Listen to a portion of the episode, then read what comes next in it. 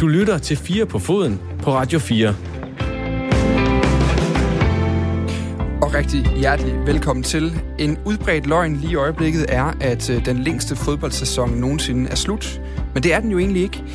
Den er i virkeligheden øh, den bedste chance for at se en dansker med Champions League-pokal. Det er nemlig kvindernes Champions League, hvor Pernille Harders øh, Wolfsburg er et af de tilbageværende hold.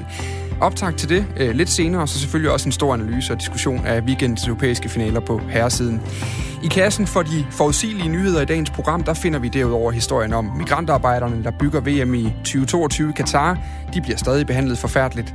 Derudover så er at Bayern og Sevilla vandt hver deres europæiske pokal, og at OB har hentet endnu en ung udenlandsspiller, der dog denne gang faktisk har nævneværdig først voksenfodbolderfaring. Øh, vi vender det hele i dagens version af Fire på Foden med de tidligere fodboldspillere Mads Asen, Tommy Beckmann og fodboldjournalist på Tipsbladet, Anders Den. Velkommen til.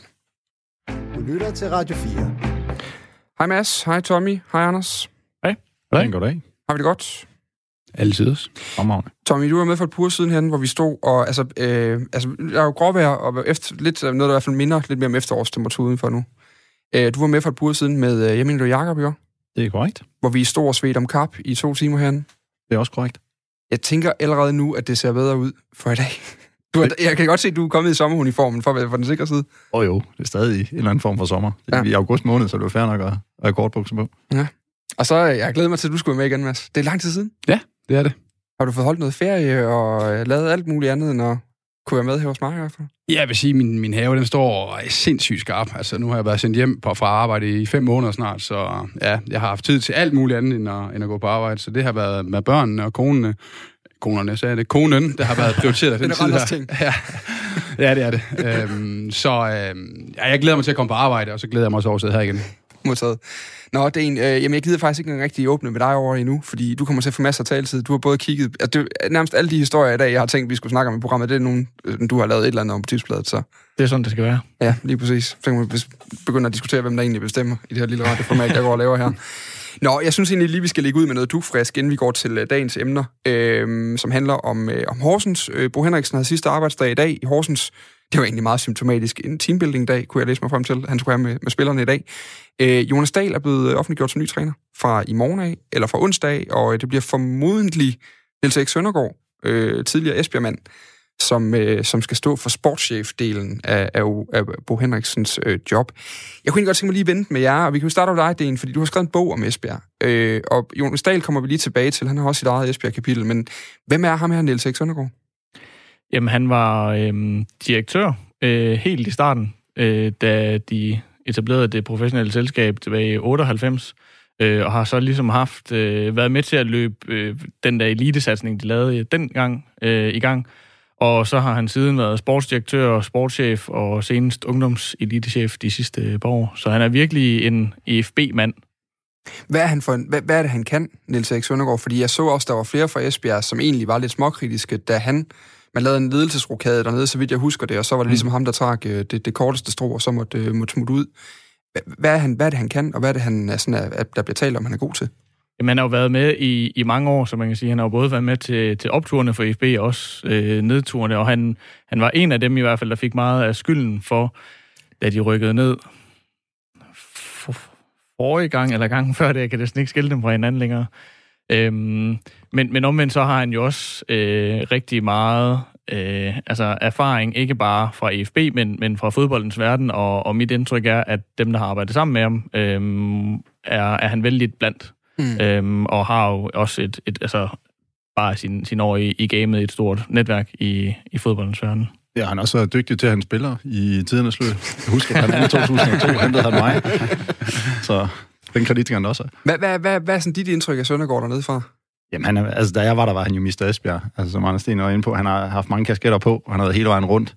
Så han er en, en, en super respekteret øh, personlighed i Esbjerg, og i særdeleshed i FB. Så det undrede også mig, at han ligesom trak til det korteste stone her, da der, der, der skulle være en ledelsesrokade. Han var sådan lidt kørt lidt ud af, af, af seniorhold, der var lidt mere nede omkring ungdomsholdene øh, så, i, i, i, en stilling der. Så, så det undrer mig lidt, at han røg helt ud. Nu så er det så Jonas Dahl, der skal være træner, og øh, så vidt jeg lige husker nu, der er der ikke nogen af jer to, der har noget at spille øh, under ham, øh, men nok alligevel lidt mod ham, og i hvert fald så kender I garanteret folk, der har spillet under ham. Hvad, hvad, egentlig så får man lidt, eller den her, jeg vil jo næsten sige, en lidt en sådan blød mennesketræner, lidt ligesom Bo Henriksen måske også var kendt for. Der var en, der var ude at sige, i dag en, der spillede under ham i Fredericia, øh, Jonas Dahl, som, som skal også ham i, i, i Horsens. Nu spiller i Horsens, jeg kan ikke huske, hvad han hedder, som sagde, at han, han råber noget mindre, end, øh, end Bo gør, men ellers så er det, så er det lidt af det samme. Hvad, er det, hvordan passer han ind i Esbjerg, Essen? Hvad tænker du der? Øh, Esbjerg, det ved jeg ikke. Horsens tænker, jeg faktisk, øh, Horsens tænker jeg faktisk rigtig godt set. Øh, jeg har ikke haft fornøjelsen af at have Jonas, men, men det jeg hører om ham er, at han er en rigtig, rigtig super fyr. Øh, god træner, meget engageret, meget velforberedt, men også slår på det sociale. Øh, det er vel også derfor, at han indtil videre har begået sig i de mindre klubber, fordi det typisk er det, at man lægger vægt på, værdierne skal være i orden osv. Der er ikke de store stjerner, der skal håndteres. Mm. Øhm, så den del tror jeg, de rammer meget godt, hvis det er det spor, de vil fortsætte ud af, som Bo har, har tilrettelagt for dem. Så, så umiddelbart tror jeg, det er en, en fin ansættelse. Og så noget du hæftede dig ved lige inden programmet, Beckmann, der gik i gang her, det var det der underligt, det her med, at man har ansat øh, øh, træneren først, og så sportsdirektøren bagefter. Ja, det er Hvorfor sådan, er det det? Jamen, normalt er det lidt sportsdirektørens hvad skal man sige, ansvar. Det er hans øh, opgave at finde rette træner. Øh, og her kan man sige, her er det gjort på forhånd, så der kommer to nye ind øh, på samme tid, hvor man kan sige, at det er Niels Erik Søndergaard, hvis det bliver ham, kan jo til hver tid, tid sige, at det ikke er hans opfindelse. Øh, så står ikke rigtig til ansvar for, for, for den ansættelse. Og så normalt er det jo sådan, at sportsdirektøren ansætter træneren. Og her er det sådan lidt den anden vej, den er gået rundt. Det så man også i, i AGF i sin tid. Øh, da Morten Vihors kom, så mener jeg, det var Jakob Nielsen, der kom ikke ret lang tid efter. Og det gik ikke godt, skal jeg helt så sige. Så det er sådan lidt, lidt en, en, en sjov vej at gå, og måske også den sådan rent ledelsesmæssigt forkerte vej at gå. Mm. Man, man kan jo så sige, at, at, at de har bundet sig selv lidt øh, på hænder og fødder Horsens, i og med, at, at Bo Henriksen var manager, så han var jo både sportschef og, og træner før.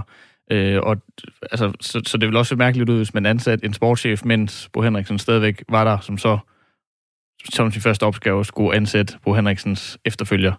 Den kunne man da godt sælge. Man kan da godt sige, Bo er på vej ud. Vi skal have en, der ligesom kan stå for den sportslige øh, strategi fremadrettet. Vi ansætter ham, før vi ansætter træneren. Jarda, jarda, jarda. Noget med, hvad vi gerne vil om fem år. Og nu er det ikke sådan, at, at, at Bo han stopper i Horsens. Det er jo ikke sådan en... Øh en, en nyhed på den måde i dag. Det har vi vidst et stykke tid. Jeg tror, de har vidst det længere tid i Horsens, end, end alle vi andre, så, så jeg tror, de har haft længere tid til at forberede det i hvert fald. Og der mm. synes jeg godt, de har gjort det på en anden måde. Vi øh, lader Horsens øh, ligge for nu. Øh, vi skal nok vende tilbage til det, hvis det bliver øh, Søndergaard, som får øh, jobbet. Det er Ekstrabladet, der erfarer det i dag. Øh, så vi må se, hvordan det øh, løber ud i næste par dage. Og så skal vi kaste os ud i dagens første emne, som jeg egentlig ikke havde skrevet på før i dag, men som jo selvfølgelig bliver landsholdsudtagelsen, som er landet her kl. 1 i dag. Der gik øh, først øh, Albert øh, Capellas, øh, U21-træneren på, og så bagefter øh, Kasper Julemand, og øh, udtog sit første øh, landshold. Øhm, inden vi kommer til selve landsholdet, så kunne jeg faktisk tænke mig lige at, øh, at, at vende en enkelt spiller, som glimrede ved sit fravær på både U21 og på landsholdet. Det er Mohamed Darami, som slet ikke var med nogen steder. Jeg sad og tænkte, han var ikke med på U21, så må det næsten være fordi, at der var fundet en eller anden yderpost til ham i A-truppen, hvor han lige skulle testes af. Der var også det her famøse øh, skift, øh, nationalitetsskift, hvor han fik en landsholdstrøje, og nærmest fik en øh, kontrakt på, at han nok skulle få en landskamp på et tidspunkt. Øh, øh, er, er, er, øh, hvor meget undrer det er, at Mohamed Aram ikke er med i noget af det? Øh, meget på, på 21A-landshold, synes jeg ikke. Vi har nogen berettigelse ud over, at man skulle binde øh, drengen til, til Danmark, hvilket vil være etisk meget forkert. Øh, men jeg synes, at i den grad, han hører til på 21-landsholdet. Øh, han har gjort det fremragende for FCK øh, momentvis. Øh, han er nogen gut, så selvfølgelig er der nogle, nogle op- og nedture. Det har også været i, i, for, for ham i løbet af det her forår. Man kan sige, det er et langt forår i forhold til, til landets udtalelse. Han startede rigtig godt ud, sluttede måske mindre godt af. Men jeg synes da bestemt, at, at hans præstationer skulle være belønnet med, med en U21-plads. Derudover så er også der var Brøndby-fans, som var ude og være sure over, at Morten Frendrup heller ikke havde fundet vej til det her U21-landshold, øh, som også så underligt ud. Øh, men, men det er i hvert fald, der er i hvert fald nogle små ting der. Vi går videre til, til, til landsholdet. Truppen er, øh, er jo relativt, som den plejer at være. Der var øh, nogle ændringer. Øh, hvis man kigger på især de to, som der bliver talt meget om, det er to, der kan få øh, debut på landsholdet. Det er Andreas Skov Olsen og øh, Joachim Male, som hver især har deres første udtalelse. Øhm, lad os bare lige starte med, med Skov Olsen, øh, som jo egentlig i første omgang var en julemandopfindelse i Nordsjælland. Øhm, Asen, jeg er lidt i tvivl om, du har ikke nået at få en kamp på ham, og du var stoppet, før han rigtig... Øh... Mm. Ja, um, det ved jeg faktisk ikke. Uh, nu er det to år siden, jeg stoppede, så må ikke. Uh, men de var nok i slutspillet, og jeg bevægede mig nok desværre i nedrykningsspillet på et eller andet tidspunkt, så, så det kan være derfor. Uh, men uh, jeg kan godt se, at det giver mening at tage ham med. Altså, det er julemands opfindelse, han ved, hvad han står for, og har vel spillet okay meget på det sidste, der Mihailovic bestemmer sig for at give ham chancen ja. i, i Orsolinis fravær, og han, han toppræsterer ingen på, på ingen måde, men, men han er vel det bedste bud på at være den der venstrebenet kant, som, som Skov åbenbart ikke er mere som er venstreback. Så jeg kan sagtens, øh, jeg kan sagtens se, at der, der kan være plads til, at han kan komme ind og få chancen. Det er, det, er en, det er en ung spiller på vej frem, og det er jo dem, vi skal begynde at læne os lidt op af. Beckmann, det er du fuldstændig enig i, at Skov Olsen, det giver mega god mening, at han skal ind og overtage den der kant på landsholdet nu. Og når det nu er julemand, så er det da underligt, at han ikke var med. Ja, jo. Altså, nu, nu er julemand, så er det jo ondt, at han ikke var med det. Det vil jeg godt, det, det vil jeg godt give en ret i.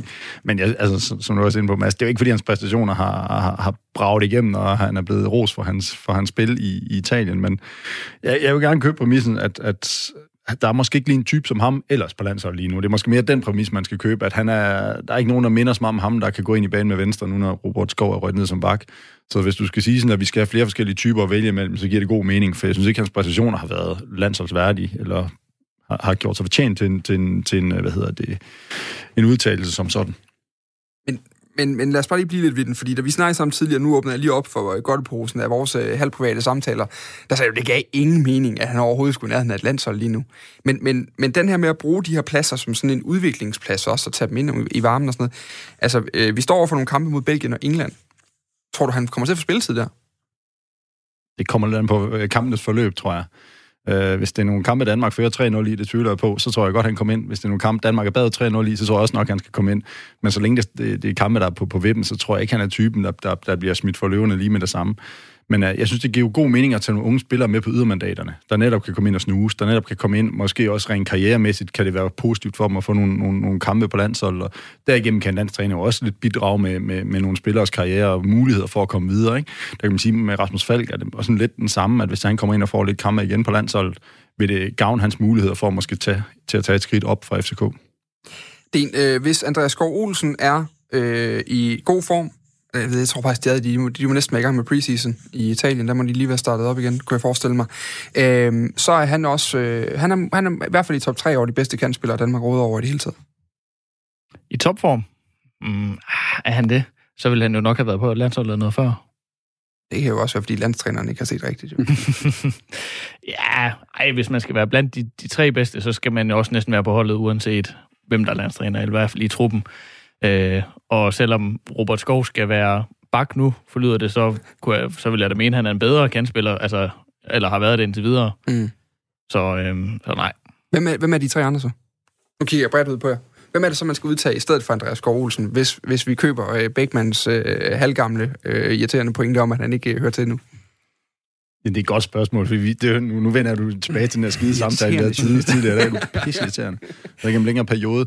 Men når det er sagt, altså, det er jo ikke, fordi vi vrimler i kandspillere i Danmark. Altså, det er jo ikke sådan, vi står og, og har den ene store stjerne efter den anden på kanderen. Det er jo der, vi mangler... Vi mangler altså, vi mangler Rommedal. Det gør vi jo et eller andet sted, ikke? Altså, og Grønkær, de der hurtige spillere, hurtige kanter, dem har vi ikke mere. Altså, det er jo lidt mere øh, store, fysisk stærke spillere, vi kører med lige nu, og, og nogle spillere, der gerne vil ind i banen og lave nogle, noget, noget, noget, noget, noget spil i mellemrum og så videre. Vi har ikke de der dybdeløber mere, som vi havde i gamle dage. Dem kan man godt savne lidt nogle gange på landsholdet, synes jeg, fordi det bliver lidt for, for stereotyp. Det er lidt uh, den samme måde, vi spiller fodbold på. Der er ikke så mange uh, forskellige typer at bringe i spil. Nej, og det, det hænger vel også sammen med systemet. Altså dengang Rommedal Grønkær, det var 4-4-2, helt klassisk, øh, bundsolid og linjer og så videre, så videre. I dag der er det jo, at kanterne skal ind i banen og lave mellemrum til typisk en baks, der kommer forbi. Ikke? Og lave de her huller ind i midtbanen, så andre folk skal forholde sig til det. Og det er der, jeg synes, det giver god mening, for jeg er sikker på, at Julemand han vil lave en eller anden glidende overgang nu med at få nu siger jeg de gamle, det er de jo ikke, men, men han vil helt sikkert få sluset nogle af dem. Victor Nielsen kommer helt sikkert også med på et tidspunkt. Og det tror jeg er forsøget med, med Skov Olsen nu at sige, det er sådan her, det er på landsholdet. Du skal bare tage din tid, når du er i topform, så kommer du til at spille, fordi Yusuf Poulsen, Breathwaite, hvis de ikke spiller lige pludselig, så står der bare nogen, det skal, at de der unge, de skal stå på spring for at æde dem, fordi ellers så bliver det simpelthen for kedeligt landshold, vi har. Og det har vi jo skrevet på i mange år, at det er gode resultater, men det er bare måske røv, røvkedeligt at sidde og kigge på mange gange. Mm. Man kunne også, øh, fordi hvis vi netop kigger på de kanter, der ligesom har udgjort, eller dem, der i hvert fald har spillet kantpositionerne over de seneste år, så har det gerne været en, øh, jeg tror da Cornelius har spillet højre kanten en gang imellem, fordi man skulle have ham den store, man kunne bumpe den op på, hvis ikke Yusuf var med derude. På venstrekanten har det jo været en sidst, havde den i en periode, indtil til, til filmen ligesom knækkede for ham. Øh, så har Breathwaite øh, siddet lidt på pladsen, Victor Fischer har været omkring.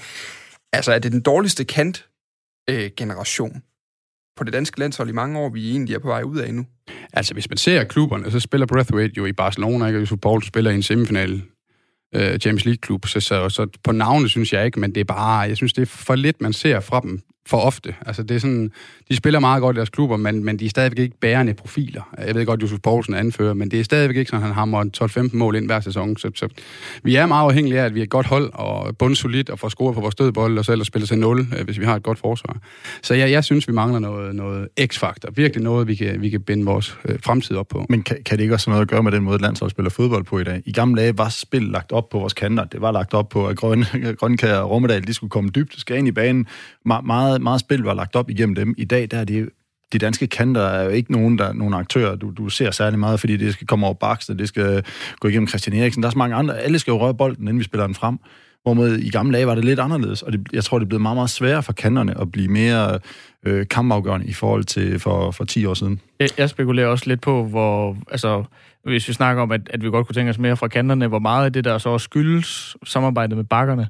Øh, fordi især i venstresiden har i hvert fald angrebsspillet været, været hæmmet af, at, øh, at Jens Røden Larsen har spillet den øh, med sit højre ben. Øh, og, og, og det passer bare dårligt, når man også har... Øh, vi har jo typisk haft en højrebenet kantspiller der også. Øhm, så det synes jeg, man kunne se i masser af kampe, at altså, vi kunne godt have brugt en, en venstrebenet øh, bak, der kunne komme udenom. Ja, en overlapspiller. Ja. Der, ja. Jamen, det var jo et kæmpe problem. Også når du har en, en Josef Poulsen, der så spiller den modsatte Præcis, kant, og så der kommer ikke et indlæg fra venstre side i løbet af en hel fodboldkamp, og vores, vores højre ving, hans største øh, force, det er i og for sig luftspil, og så har du en Cornelius inde i midten, der er lige så stærk, jamen, så er det jo, det er jo synd at ikke at bruge de våben, du nu har.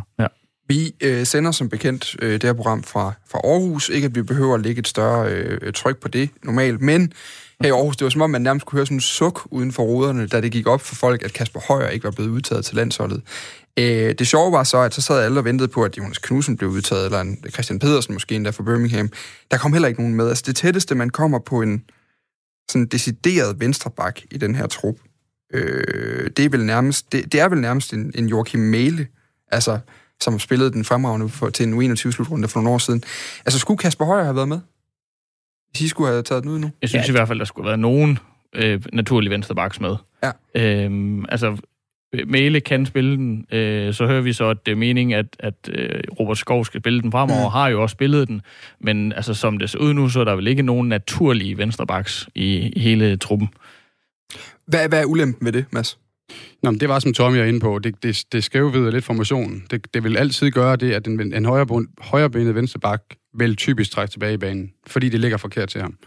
Øh, og det tror jeg ikke, modstanderne skal være, være ret dumme for at finde ud af, at, at det er typisk måden, vi, vi angriber på, det er vores højre side med Dalsgaard, som kommer udenom med fart. Så jeg synes, det havde været utrolig frisk af Julemand, hvis han havde udtaget Kasper Højer. Det kunne også have været Christian Pedersen, Jonas Knudsen, det har været en oplagt chance for at se dem anden. I hvert fald Kasper Højer, han spiller vel det bedste, han nogensinde har spillet, og måske kommer til at spille. Så det har givet mening for mig. Altså, man kan også sætte Daniel Vest over, øh, men det er stadigvæk midlertidigt. Jeg ved godt, at Robert Skov nok skal spille den, i og med, at han skal spille den i Hoffenheim. Men jeg synes stadigvæk, det har været en oplagt mulighed for at se. Øh, jeg tror, han undskyldte sig lidt med, at, at han var blevet opereret, Kasper Højer, i, i blindtarm, ikke? Og, og mm. måske var først var på vej tilbage. Men jeg synes, der må være, der må være nogen, der er tættere på, end dem, der er udtaget i dag, tror jeg. Vi skal også huske at sige, at der, øh, der kan åbenbart stadig efterudtages en spiller i løbet af ugen her nu, og det kunne jo godt, altså når man kigger på truppen generelt, kunne det godt passe med, at det var en, øh, en bak, der kom ind der måske på, på venstrekanten. Øhm, også fordi Vas, det er jo lidt svært lige at se, om han er, hvad han har tiltænkt egentlig, om det er en, skal han dække af på den centrale, eller skal han spille højre bakken, som han har gjort primært i, i Valencia, lige umiddelbart. Øh, Skov øh, på venstrebakken kunne jeg ligesom have vende til sidst, fordi øh, det var meget tydeligt for Julemand i dag, at grunden til, at han skal spille bakken, det er, det har han besluttet i Hoffenheim, at det er vejen frem dernede med trænerne, og så vil Julemand gerne understøtte den udvikling på landsholdet også. Er det den korrekte beslutning, når vi nu godt ved herhjemme, at øh, Robert Skov, han er vel den bedste kant i Superligaen, vi har set i en del år nu, øh, i forhold til målfarlighed?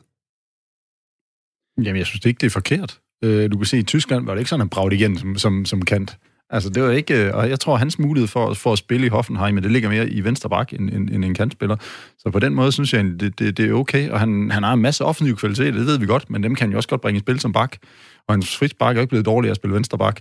Så på den måde synes jeg, at, at altså, at det er der ikke noget for gjort i, og hvis, hvis, det, hvis det er det, han gerne vil, og det er det, Hoffenheim gerne vil, så synes jeg også, at, at det danske land skal, landshold skal omfavne det, for hvis vi får en, en rigtig dygtig venstreback lige pludselig, det har vi jo skrejet efter i, i en hel masse år, Øh, en spiller, der kan spille fast på, på venstre bakken på landsholdet, som også gør det godt på klubholdet, så det synes jeg, det, det vil være dejligt for Danmark. Mm. Så skal vi lige runde til sidst. øh, inden vi slipper landsholdet fuldstændig, at på midtbanen, der er AC, øh, Anders Christiansen fra øh, Malmø kommet med, og så er Christian Nørgaard også udtaget, øh, som fra, fra Brentford, øh, som jo, altså, øh, nu bliver der talt meget om Ben Ramar og de andre øh, offensive profiler derovre, men han er også en af dem, der er blevet talt om til et Premier League-skift, der har spillet en fremragende sæson i det år. Altså, øh, hvor nu nævner jeg de to, fordi jeg synes, det er der, der ligesom ligner noget julemand-aftryk på det her hold også, altså øh, med AC og med, med Nørgaard, øh, kunne man forestille sig. Hvad, hvad ser I i en Anders Christensen og en, øh, og en, og en Christian Nørgaard? Den? Hvad er det for nogle roller, de skal udfylde?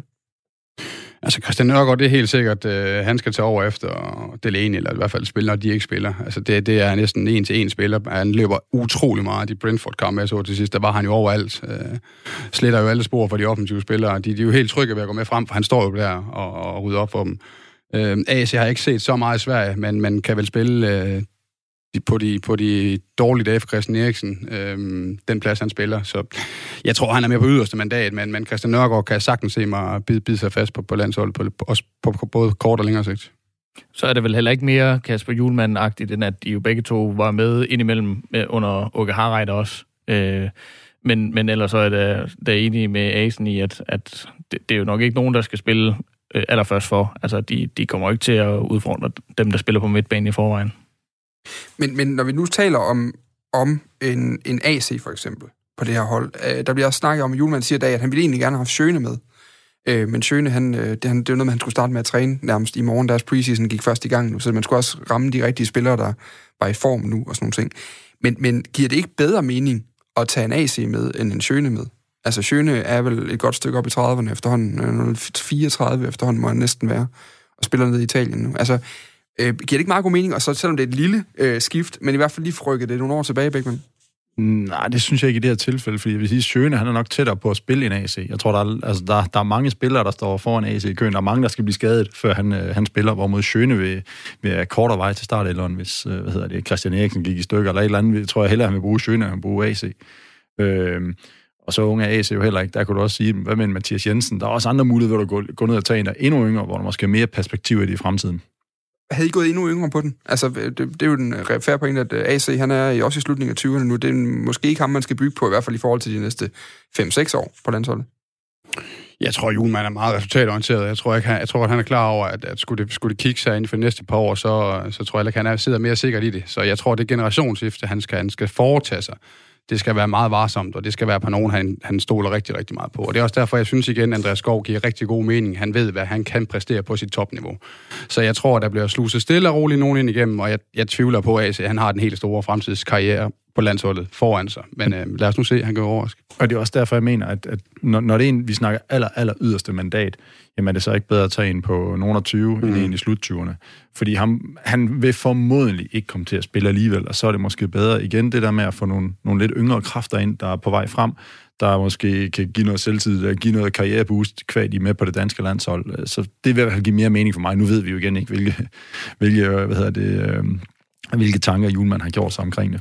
Lad os øh, lige slutte øh, helt af med at prøve at lave startelveren. Vi ved, det er en 4-3-3, er der blevet snakket om. Øh, der er godt nok mange midterforsvarer med, i forhold til, at vi skal spille 4-3-3, men det må vi jo tage til den tid. Øh, det, er jo, altså, det er jo helt åbenlyst, at Kasper Schmeichel skal stå på mål, så det gider vi ikke bruge for mange sekunder på at snakke om. Højrebakken øh, tyder alt på, at det er Henrik Dalsgaard. Er det ikke stadigvæk der, vi er? Altså, jeg, jeg, jeg vil faktisk hellere have Mæle. Jeg synes, han har været vanvittig i Belgien. Øh, jeg, synes, jeg synes, de kampe, jeg har set for ham, øh, har han været outstanding. Så jeg synes, det overrasker mig også, at han ikke kom med noget før. Han har også været på tale før, at, at han skulle med på landshold, og han har været på tale, at han skal skifte til Premier League, så, det, så han, han, har, han har gjort det fornuftigt. Så, så jeg synes også godt, den kan diskuteres. Jeg synes, han har nogle offensive kvaliteter. En anden verden, noget fart, noget pondus. Hvad siger de to andre? Vil vi tage Mæle eller Dalsgaard? Spørger du, hvad vi synes, eller hvad vi tror, Kasper Julemand gør? Jeg tænker, det, altså, jeg tænker, vi nok godt ved, at Dalsgaard kommer til at spille, fordi han er en fast integreret del af holdet, og alle de her ting. Der bliver nikket. Det er nogen kunne ansigt. Lad os tage den, hvad vi synes. Det synes jeg er et sjovere hold at stille. Hvis vi skal stille den star- stærkeste startelver for det her, hvad vi selv lige vurderer i studiet. Mail eller Dalsgaard, Asen? Jeg har simpelthen set Mæle for lidt, men jeg kunne godt tænke mig, at der skete noget der. Altså, jeg kunne også godt tænke mig at prøve at se Mæle. Øhm, Dalsgaard er alligevel er han 30 eller, eller deromkring? Så lige på kanten af 30. Ja, altså det er heller ikke for at gøre folk ældre, end de er, men der skal, der, på et eller andet tidspunkt, så skal der ske noget. Og jeg tænker også, som, som Tom er inde på, hvis Mæle skal bryde igennem til England og Premier League, jamen så er det da en, en mand, der burde finde vej til det danske landshold. Selvfølgelig afhænger det af, hvordan de kommer til at spille. Fordi igen, hvis vi skriver den med, at der kommer en højreben på venstre bakke, jamen, så bliver der meget ansvar på højre bakken. Og der har Dalsgaard selvfølgelig en erfaring. Men øh, jeg kunne også godt tænke mig at se Mæle som, som højre bak på landsholdet fremover. Den er jeg med på. Godt. Så går vi til midterforsvaret. Der har vi jo så fem at vælge imellem. Øh, vi har Simon Kjær, Joachim Andersen, Andreas Christensen, Mathias Sanka og Jannik Vestergaard. Øh, Kjær kommer nok til at starte på, øh, på højre siden. Hvem, hvem kommer til at spille ved siden af Kjær, tror jeg? AC. Tror jeg også. Tror I det?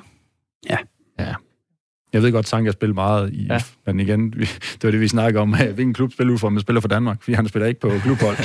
og det, det, bliver, det, det vil jo blive et issue på et eller andet tidspunkt. Så hvis han kommer hjem til FCK, øh, hvilket jeg ikke tror, han gør. Men skulle han gøre det og spille fast, så er det klart, så er han inde i varmen igen, fordi så kommer han til at dominere Superligaen, og så kommer han ikke til at være udenom. Men han er bare op imod en ret skrappe konkurrenter her. Altså, Joachim Andersen selvfølgelig glæder lidt ud ned i Lyon, ikke? Men, men Vestergaard kom tilbage i Southampton, har spillet virkelig godt og er allerede på vej rygtet til Valencia nu, ikke? Så det, det er et stærkt felt, det der, og, og Simon Kjær er vel eneste, der er selvskrevet, så det, det, bliver, det bliver svært for dem. Men altså, skulle jeg, skulle jeg stemme i dag, så, så pegede jeg også på AC. Jeg synes, han har spillet fint i Chelsea. Mm. Modtaget. Vi tager AC, du er undertalt over. Øh, hvem ville du have sagt ellers? Ville du have sagt Sanka? Ja, det ved jeg ikke. Det var fordi, jeg er i tvivl. Men jeg var bare overrasket over, at de andre var så sikre i, i deres sag. Modtaget. Vi løber op øh, på midtbanen, fordi vi, øh, det lød næsten på julemand, som Skov han kommer til at spille den der venstreback. Øh, midtbanen, de to bagerste, det bliver nok Delaney på den ene. Hvem kommer til at spille siden Delaney? Højbjerg? Ja, Ja. ja. ja. Og så Eriksen foran, den tager vi også godt øh, låse. Så er vi op på de øh, forreste tre. Øh, Dolberg eller Cornelius i midten? Corner. Dolberg. Dolberg. Godt, det blev Dolberg. Så har vi en højre kant. Nå, hovedtelefonen hører ryge protest. Højre kanten. Øh, Josef Poulsen. Ja, venstre kanten. Nå, den anden tog jeg bare. Hvem, hvem, Ja, jeg siger også, Ja, jeg den- siger Josef Poulsen den tænker jeg og, nok, I ville sige. og Breathwaite. Ja. Ja, den er også med på den anden? Ja. Nå. Så ikke nogen Rasmus Falk lige nu? Ikke endnu. Han mangler fart. Ja, okay. Modtaget. Vi løber videre, fordi det synes jeg er et meget god øh, afrunding på tingene. Der bliver udtaget en ekstra i løbet af ugen, og så må vi se, om det ikke bliver en, øh, bliver en venstreback. Det er der i hvert fald en del her i Aarhus, øh, der går og håber på. Du lytter til 4 på foden på Radio 4. Øh, og så skal vi til en anden af de der nyheder, som efterhånden ikke engang føles som en nyhed længere. Øh, det er efterhånden en gammel traver nemlig, og, øh, og jo også sådan en, en torn i øjet på alle fodboldfans, som egentlig bare gerne vil glæde sig til, øh, til det næste VM, og ikke gider bekymre sig om menneskerettighedskrænkelser og alt muligt andet. Øh, men det er altså svært, for en ny rapport fra den internationale øh, NGO Human Rights Watch øh, bekræfter endnu en gang, at den er gal med øh, forholdene for godt 2 millioner migrantarbejdere fra lande som øh, Filippinerne, Indien, Bangladesh, som er taget til ørkenstaten Katar for at hjælpe med at opbygge øh, den jo øh, mindre by, som om øh, lidt mindre end to år skal være mekka for, for verdensfodbolden til VM-slutrunden i, øh, i 2022. God dag til dig, Stanis Elsborg. Goddag. Du er analytiker ved organisationen Play the Game, og så er du øh, aldeles grundigt inde i hele sagen om øh, Katar og de her migrantarbejdere og, øh, og det politiske spil omkring den slutrunde. Skal vi lige prøve at starte fra en ende af? Altså den her, øh, hvis vi lige starter før rapporten, hvordan, hvordan bliver de her gæstearbejdere egentlig behandlet i Katar, ifølge den her rapport, og alle de andre, der jo er lavet de seneste år? Jamen, man kan sige, at øh, det billede, vi får i, i rapporten nu, ligner det billede, vi har fået i øh, rigtig, rigtig mange år nu fra rapporter fra Amnesty International og så også fra Human Rights Watch.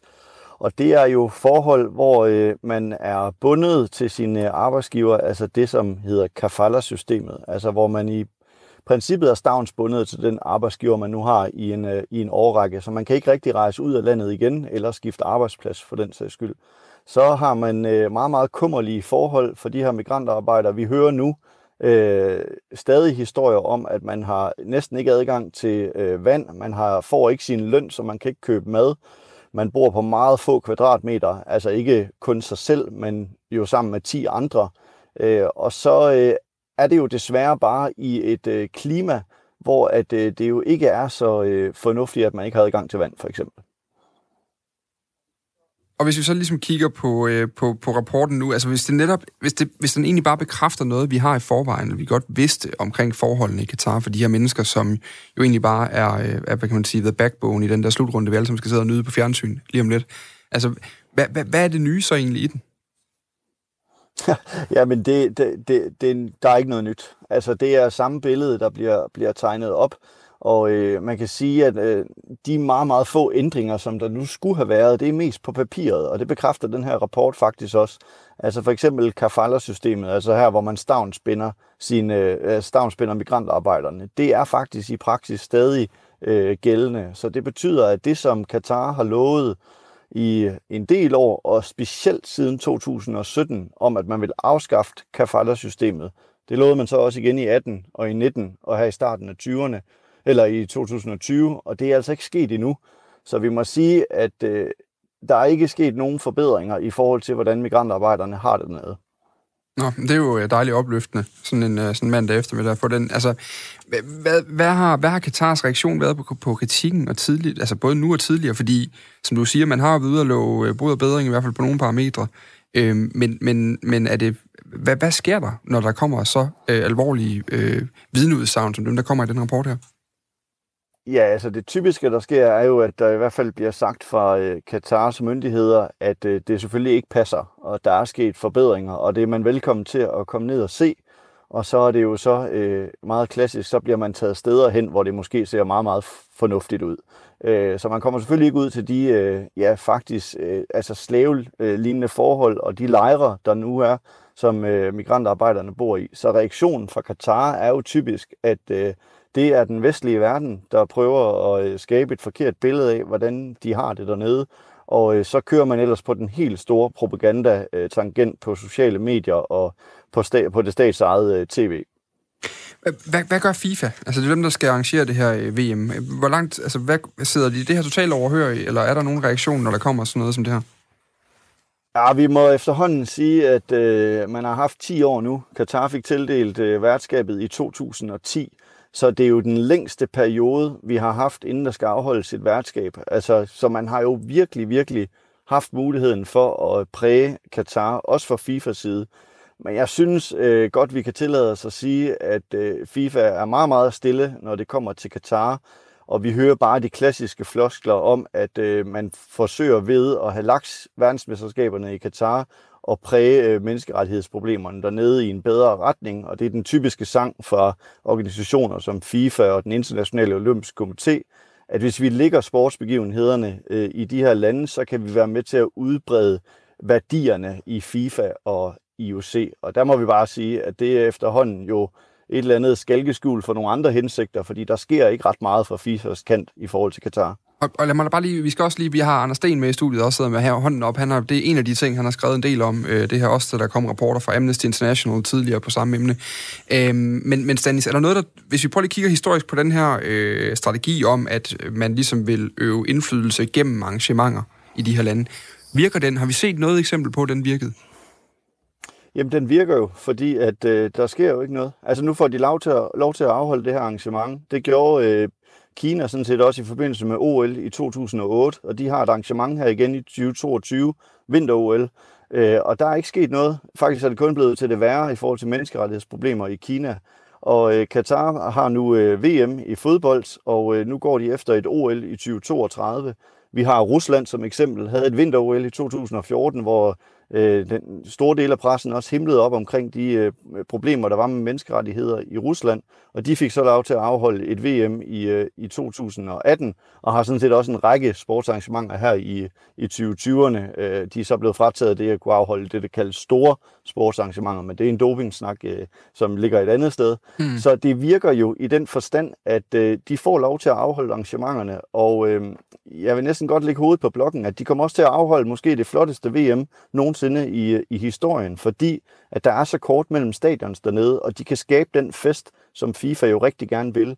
Og det er jo den, der bliver sendt ud i stuerne. Det er ikke, hvordan øh, migrantarbejderne har det, eller hvordan de har haft det. Det er den store fest, som kommer til at blive afholdt i 2022 i Katar. Øh, Stanis, du må gerne lige blive hængende, øh, fordi jeg vil godt tænke mig lige, øh, først over til dig, Den. Er der noget øh, supplerende overfra? Du har også dækket den her historie blandt andet. Ja, jamen det var, du spurgte, hvad FIFA siger til det, og, og FIFA udsaler sig jo i dag i forbindelse med den der Human Rights Watch-rapport, hvor de jo blandt andet siger, at de har nul tolerance over for øh, den form for snyd med løn, som, som rapporten i dag handler om. Øh, og, og der kan man jo godt spørge sig selv, hvordan den nul-tolerance kommer til udtryk, fordi altså, de, har jo, de har jo ikke, som Stanley siger, gjort nævneværdigt for at, at ændre på, på tingene. Øh, så så, så altså, nul-tolerancen er svær for øje på, synes jeg. Det, det her det er sådan en af de der historier, hvor man som øh, fan og som udefrakommende jagttager, øh, lægmand, øh, sidder og har det lidt som om, at det hele det er sådan en omgang komisk ali, der foregår, øh, hvor det hele det bare kører lidt i ring, og øh, man hører den samme historie igen og igen, og lurer mig om ikke øh, lige om lidt er en åndssvag radiovært, der stiller spørgsmål om DBU burde boykot VM i Katar. Øh, men, men burde DBU boykot VM i Katar, Tommy Beckmann? Nej, det burde de jo ikke. Altså, for hvad, vi skal da Danmark. Hvis, hvis Danmark kvalificerer sig, så kan de da møde op længere end der ikke. Øhm, jeg synes jo, det, det er sådan en dum sag, det her. Øh, alt det her med, med korruption og det ene eller andet fra FIFA. Vi ved jo alle sammen godt, dem, der betaler mest, det er dem, der får lov til at afholde det. Så er det upåagtet, om de, om de henretter en hel befolkningsgruppe. Det, det, det er FIFA fløjtende ligeglade med, bare de får deres penge. Ikke? Det er sådan lidt en sørgelig tendens.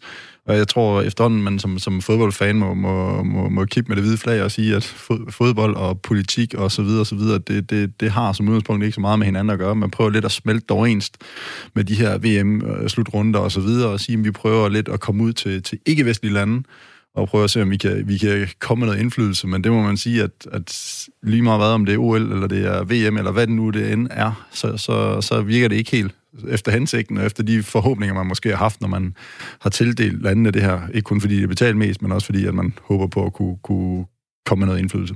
Øh, Stanis, lige spørge noget, men øh, er vi enige om, når man, når man byder på de her slutrunder og sådan nogle ting, så skal man leve op til nogle krav i forhold til økonomi og i forhold til faciliteter og sådan nogle ting.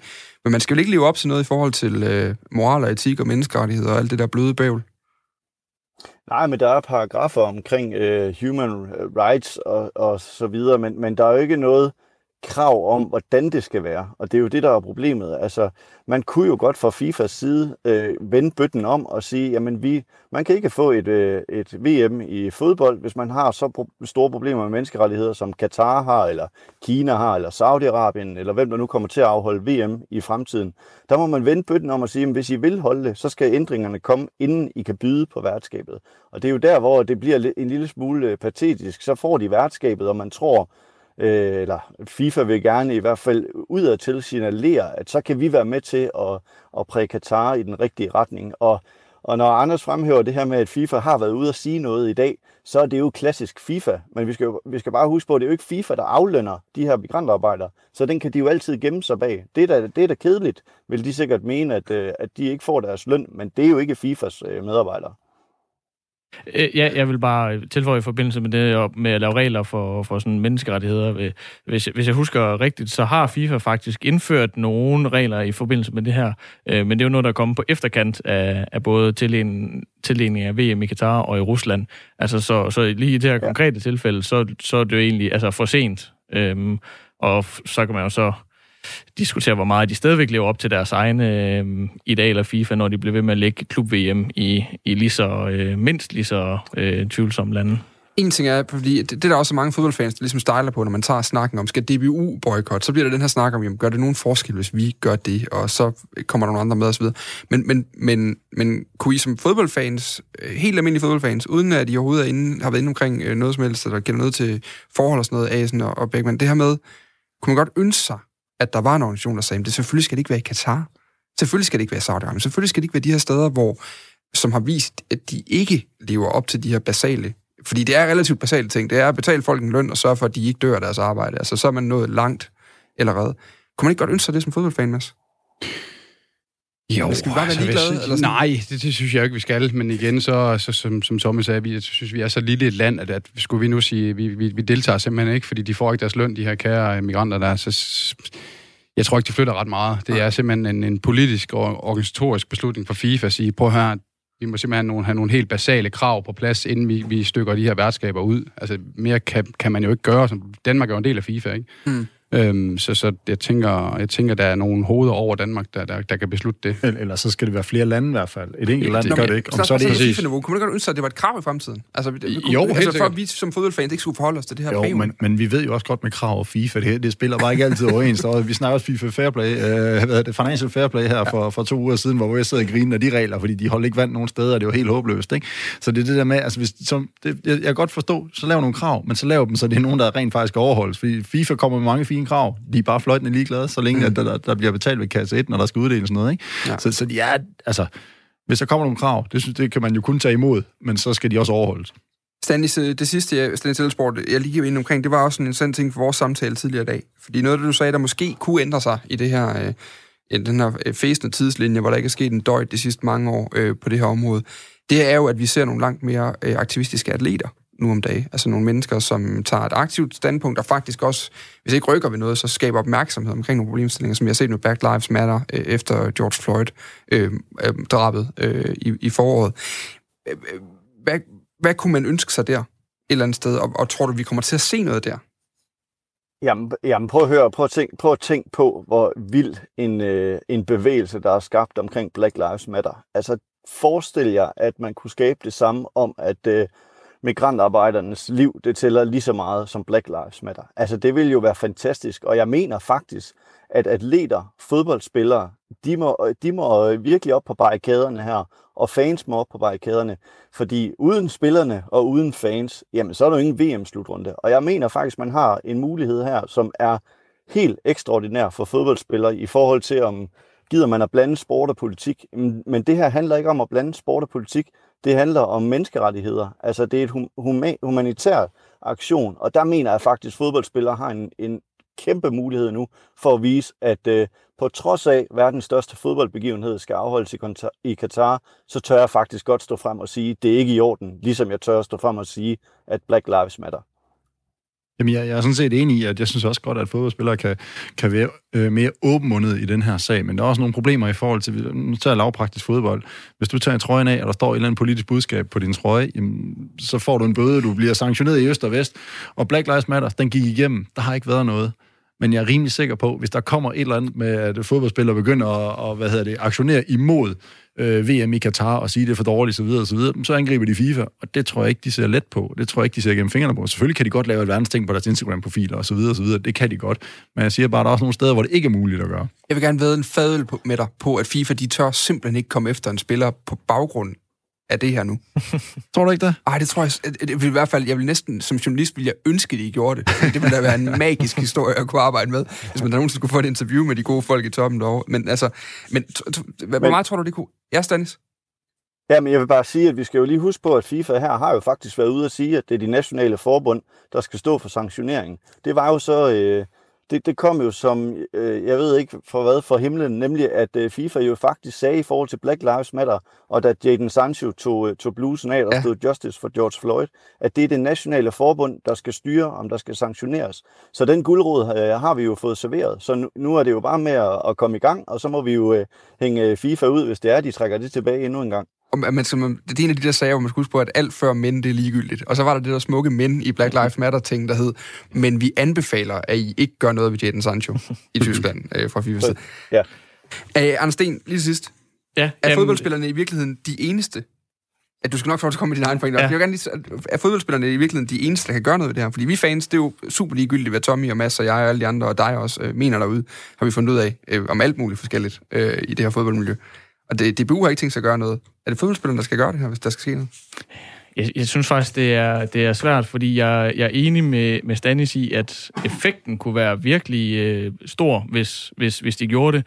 Men øh, som vi også talte med Team Spau om sidste år, da vi sådan talte om, om FC Midtjyllands øh, træningslejr i Dubai og sådan noget, hvor han også sagde, at han synes, det var meget forvent af fodboldspillere, som jo ofte er unge mænd, øhm, som, har, som har fokuseret meget ensporet på den her ene ting at blive god til den, og ikke nødvendigvis har brugt rigtig meget tid på at orientere sig sådan, øh, om sådan øh, geopolitiske øh, øh, intriger, øh, og, og, og forvente, at de jo, øh, som, som Tommy siger, nogle gange, så kan det jo også være, være sådan skadeligt for deres egen sådan, sportslige ting, og forvente, at, at de skal, skal gøre noget. Mm. Øhm, og, og den anden del af det er jo også bare med, med hensyn til Black Lives Matter, ja, her i foråret har, har det jo virkelig taget fart, men, men vi skal jo huske, hvor nogle af de der protester startede med uh, Colin Kaepernick, som ja. jo altså, er blevet fuldstændig frosset ud af NFL, altså, og, og hvis karriere er, er altså, virket død og begravet i flere år. Men Anders, Anders det, er jo ikke, altså, det er jo menneskerettigheder, det er jo ikke atomfysik. Altså, vi kræver jo, nej, ikke, de skal... nej, det, det er bare for at sige, at det kan godt være svært at være den første, ja. der, der tager skridtet, og, og, og især hvis man, man ikke ved, om man står der alene.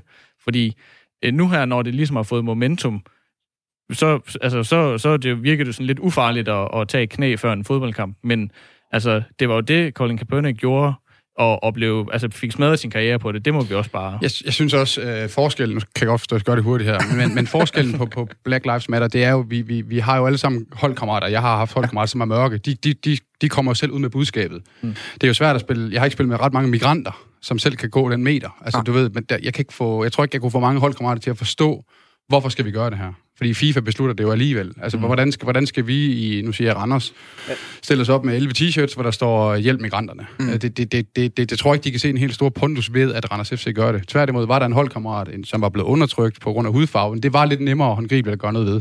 Men er det ikke lidt problematisk på en eller anden måde? At, at fodboldspillerne, at så får vi lige pludselig de, de sager, der passer ind? Jamen, jeg tror ikke, jeg tror ikke, jeg tror ikke, jeg tror, at fodboldspillere er ret simple. De gør et eller andet sted, hvad de får besked på, ja. og når de kan se, at det giver mening, det vil de godt bakke op om. Det her, det er bare så nu siger jeg i fodboldspillerens verden, lidt mere komplekst. Ja. Øhm, og lidt, lidt ja, det tror jeg, jeg tror ikke alle har sat sig ind i, som, som Anders sagde, hvad, hvad det egentlig handler jeg, om. Jeg tror ikke, de er så er forskellige som for mange andre, nej. Nej. Stanis Elsborg, øh, du får lov til lige rundt den af. Øh, egentlig, men det virker underligt ja. at runde noget hurtigt af, fordi vi skal til at snakke om Patrick Olsens skifte fra OB til AGF. men, men Stanis, jeg vil gerne lige høre det til sidst. Øh, når vi når frem til et VM i 2022, er der så overhovedet sket nogle ændringer der?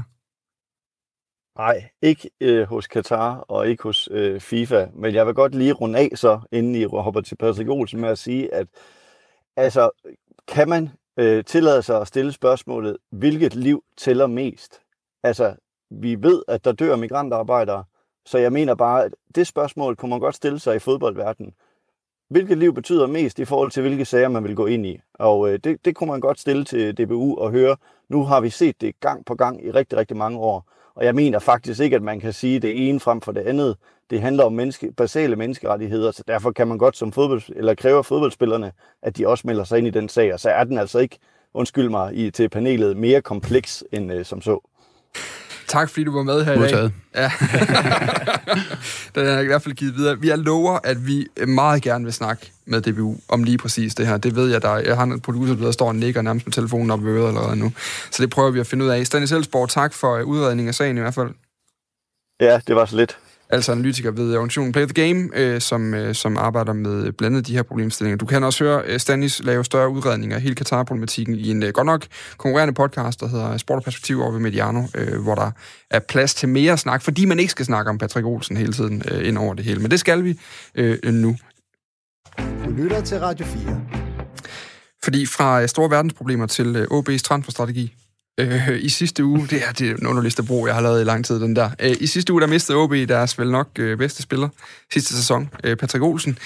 Det markante beskiftede, det var hverken prisen, som tyder på at være et millionbeløb sådan mellem 5 og 10 millioner, eller at der var interesse for ham efter den her gode sæson. Men Patrick Olsen blev den anden, og også den mest profilerede spiller for OB, der tager til AGF på mindre end et år. Først var det øh, det, det hjemmeavlede talent Søren Tingstedt, som tog afsted på en fri transfer. Men hvad viser den her transfer egentlig, Tommy Beckmann? At de kan ånde let ud i Randers. For nu henter AGF Aalborg-spillere i stedet for Randers-spillere. Jamen, det viser vel, at AGF har taget lidt et skridt op, også rent økonomisk efter mange år, og, og have lidt og haft det meget, meget svært. Så har de haft nogle fine salg og fået lidt penge i kassen, så de kan gå ud og handle på, på en hylde, de måske ikke har kunne handle på før. Hente spillere, der måske ikke var interesseret i at komme til AGF for, for, for en 3-4 år siden, dem kan de hente nu øh, i nogle klubber, der er konkurrerende. Jeg vil sige, det er ikke fordi AGF er en anden hylde end OB, det vil jeg ikke kalde det, fordi at det er første gang, de er top 6 i en del over AGF. Så, så på den måde kan vi ikke øh, konkludere, at de er på en helt anden hylde, men de er i hvert fald godt på vej til at, til at tage nogle fornuftige skridt opad, og jeg tror også, det Patrick Olsen har set, at det er et, en spændende klub lige pt. Det er jo interessant, det der med, om de er på en anden hylde, Anders Sten. Ja, altså det, det synes jeg ikke, de er. Altså, jo, isoleret set på den her sæson, så er de, og jeg kan også godt følge Patrick Olsen i, at, at der er nogle spændende perspektiver i, i AGF, men altså, vi skal jo ikke ret lang tid tilbage, så er der jo flere sæsoner, hvor OB er sluttet over AGF i, i, i Superligaen i flere år i streg. Øhm, så det er det helt enig med, med Tommy at altså på den måde er det, er det jo ikke øh, klokkeklart, at det bare er en højere hylde, men, men hvor man, men man kan måske sige, at AGF er, er med deres kurve går opad. Det vil jeg godt udfordre en lille bitte smule. Jeg, jeg synes, det har vel aldrig været noget problem for AGF at rekruttere øh, spillere frem for andre klubber på nær så du tager Midtjylland, Brøndby og, og FCK ud af ligningen. Jeg synes jo netop mere, det er strategien. De begynder at hente de rigtige spillere på de rigtige tidspunkter nu. Øhm, Patrick Olsen vil nok også gerne være skiftet til, til AGF, dengang han skiftede fra Helsingør. Øhm, jeg synes, at AGF har bragt en situation, hvor de kan gå ind og plukke de her modne spillere, der beviser, Øh, så tager man selvfølgelig et talent ind i Tingsted også, som passer godt i deres øh, aktiviteter på, på angriberposten. Men jeg synes, at AGF har flyttet sig markant det sidste år. Altså, de, de er vel, øh, de er vel en, en, hvis man skal sådan sammenligne dem på, på størrelse med Brøndby rent sportsligt. Øh, det er vel dem, der skal udfordre Midtjylland og, og FCK. Nu går man ud fra. Så, så jeg, synes, øh, jeg synes, det her det er en magtdemonstration øh, over for de andre øh, top 6-klubber på nær de to øverste. Jamen, den er jeg med på, men jeg, siger, jeg, jeg siger også bare, at forskellen er, at de kan betale for spillerne nu. Det har de ikke kun før. De har ikke kunnet lægge øh, en million euro, 7,5 millioner kroner, som, som har været lidt fremme i medierne. Det har, det har været langt imellem snapsene i forhold til sådan nogle transfers. De har kunne gå ud og hente spillere, så har de hentet dem på en fri transfer, måske kunne købe dem for, for relativt små penge, fordi de har haft en billig friklubsklausul. De har ikke kunne gå ud og splash the cash for, for én spiller. Det har de ikke kun før hvor de måske ligesom har fået lidt økonomiske muskler nu, i og med, at de har solgt Bundu for mange penge, ja. de har solgt Jens Dage for mange penge, og, og driften er begyndt at, at gå lidt sjovere, end den har gjort før i AGF. Så på den måde er det, er det nyt at se, men jeg vil godt give dig ret i, at AGF har jo altid på, på, på en eller anden niveau været en relativt attraktiv klub for mange spillere, fordi det er en stor klub, og det har altid været en stor klub i Danmark. Problemet har bare været, at det har også været karrierens holdeplads i ja. en del år, og det, det så at ændre sig. Men, men at, at det med AGF, er det ikke, de, de typisk har hentet spillere, som... Altså, vi så med, med en Kasper Højer transfer, så kommer han fra Lyngby efter en god sæson, øh, godt og vel. Men det var også på grund af nogle økonomiske problemer. Bro Blume kommer samme vej. Så henter de en øh, Jesper Julesgaard. Jeg sad bare lige og refererer frit fra hukommelsen nu, men Julesgaard kom fra Brøndby på det tidspunkt, efter en række dårlige sæsoner, og ikke rigtig bare på det niveau, han tidligere havde været på. Altså, det, det er vel første gang, de henter en så markant profil hos et direkte konkurrerende hold, for et relativt stort millionbeløb i internt i Superligaen. Ja, kun hvis du regner pengene med. Altså, øh, Amini tror jeg også, de var trætte af at miste Randers. Det, kan det er jo Randers, A, som, som Nå, men altså, de, der var jo der var Amini og... Øh, Junker. Og Junker, ja. Poulsen ja. er måske også et eksempel der. Ja, ja, ja, ja. Så jeg synes alligevel, der har været sådan lidt optræk til det, men, men jeg er enig i, at, at det her er, især hvis man regner transferbeløbet med, er, er, det, er det lidt, lidt en anden kaliber end nogle af de andre. Kan man udfordre det på en anden måde ved at sige, at Patrick Olsen egentlig er lidt overvurderet? Han har spillet en rigtig god sæson, og OB, de ved godt, at han, er, han har spillet godt over evne, og derfor så er 7 millioner eller 8 millioner et rigtig god pris for ham lige nu. Ja, det, der, der, der havde jeg også slået til som, som OB øh, sportsdirektør, øh, eller sportschef, hvad han er. Altså, man, man gambler jo lidt i AGF ved at skrive fem år med, med Patrick Olsen, ikke? Øhm, man ved jo aldrig, om David lige pludselig havner i FCK, og så, så kommer en ny træner, kan ikke bruge ham, så har han stadigvæk x antal år, tid tilbage. Ikke? Så det er, det er utrolig mange penge, de gambler på en spiller, som har bevist sig godt nok for, for OB i den her sæson. Men før det var der jo ikke ret mange, der ville, der ville tage Patrick Olsen i Helsingør. Øhm, det, det var i hvert fald ikke noget, der var noget ud om. Øhm, så man kan sige, øh, det, er, det er et sats, men, men jeg synes, strategien derude har vist sig at bære frugt. Altså, det er som om, der er mere synergi fra, fra PC ned til David. Hvem skal vi hente, og hvilke spillere? Vi skal have sultne spillere. Vi skal ikke have nogen navne. Vi, vi, vi, vi, gider ikke have de der, der som, som Thomas sagde, ender deres karriere. Vi vil fandme have nogen, der er frem i verden, ikke? Mm. Og det, det kan man se med Jakob, jeg hedder den, Jakob Angersen. Han får heller ikke forlænget. Han spiller et godt halvt år. Det kan PC ikke bruge sådan noget. Han skal spille godt i tre år, ellers så tager vi sgu en ny. Og det kan jeg godt lide. Det er den der sult, man kan mærke. Det, det tror jeg, Patrick Olsen passer rigtig godt ind i. Øh, at han så måske, hvis ikke han kommer til at spille, kan lave lidt uh, uro i, i gemakkerne. Det, det kan så være en anden side af sagen. Det tror jeg, David er meget god. Øhm, derudover så, så rejser den her sag jo også et andet spørgsmål. Det er, om OB bare ikke har ambitioner længere om at bide skære med det allerbedste, når man ligesom sælger ud af toppen, ikke bare til udlandet, men også til, til sine rivaliserende øh, øh kolleger i Superligaen. I det forgangne transfervindue nu, eller det i gangværende transfervindue, der har de hentet en øh, 22-årig portugiser til midtbanen, en lidt yngre fransk angriber, en endnu yngre svensk angriber, og så en serbisk midterforsvar, der knap blevet myndig. Øh, altså, det er jo så en klub, hvor man et, bryster sig af nordjyske talenter, som skal udgøre stammen. Det gør de også, det skal vi huske at sige. Der er mange nordjyder af den trup lige nu. Men hvad siger det her egentlig om OB? At de, øh, at de, at de sælger på den måde her? Fordi det er fornuftigt købmandskab, er alle til syden enige om i kommentator Danmark. Men er det, er det fornuftigt sportsligt? Det vil vise sig. Altså, de jo har været rigtig gode til at finde nogle, nogle egenavlstalenter frem. Det er der bare ikke lige nu i U19 oppe i Aalborg. Man skal heller ikke glemme, at de har ansat Søren Krog som fodboldchef fra Nordsjælland. Han ved godt, hvordan man laver penge, hvordan man laver penge på de unge mennesker. Så de har været ude og spotte dem. Øh, og håber så, at de kan nå igennem. Men det tager tid. Du, du placerer ikke bare lige 3, 19, 20, 21 år ind på hvis hold, og så kommer de i top 6. Så det er et sats. Altså, Lukas Andersen har været god, men har også været meget skadet. Altså, de skal hænge deres hat på, på de helt store profiler. De er selvfølgelig forlænget med Okora, hvilket har været vigtigt for dem. Mm. Men, men det er et sats. Det er, et, det, det er et stort sats. Nu spurgte du før, hvad den her øh, transfer siger, og det, det, det siger jo også noget om, at uh, Inge André Olsen, sportschefen i OB, er ligeglad med, hvad, hvad folk siger og hvad folk tænker. øh, altså sælger en, en spiller til en direkte konkurrent, for eksempel i, i, i top 6. Altså, jeg, jeg, jeg talte med ham efter, efter de har solgt øh, Patrick Olsen, hvor han også bare sagde, jamen, altså vi synes, vi har fået en, en god handel, og så kiggede han ikke så meget på, hvem, hvem, hvem de solgte den til. De troede på, at, at øh, sådan, i det lange løb, så kunne de godt bruge de penge til at gøre holdet stærkere. Så, mm. så sælger man jo. Ja, selvfølgelig vil man altid hellere sende ham til udlandet end til Aarhus, men altså... Ja, men der var ikke nogen bud, sagde han. Ja. Fra, øh, fra udlandet. Øh, Tommy, vi har øh, 20 sekunder. Får du lige lov til til sidst. Skal de hente en øh, ny ind til toppen af pyramiden i, øh, på midtbanen for at dække det hul?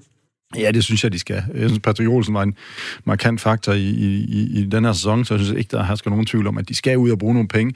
Altså, det er også det, øh, Anders var inde på, det der med, at du får nogle penge ind, og så er der noget at arbejde med, der er noget at lege med. Øh, ellers havde kassen måske været tom, og så har der ikke været muligheder for at hente alle de spillere, de også har hentet. Så, så på en eller anden måde er det også et spørgsmål om at, at få nogle penge ind, du kan give ud igen.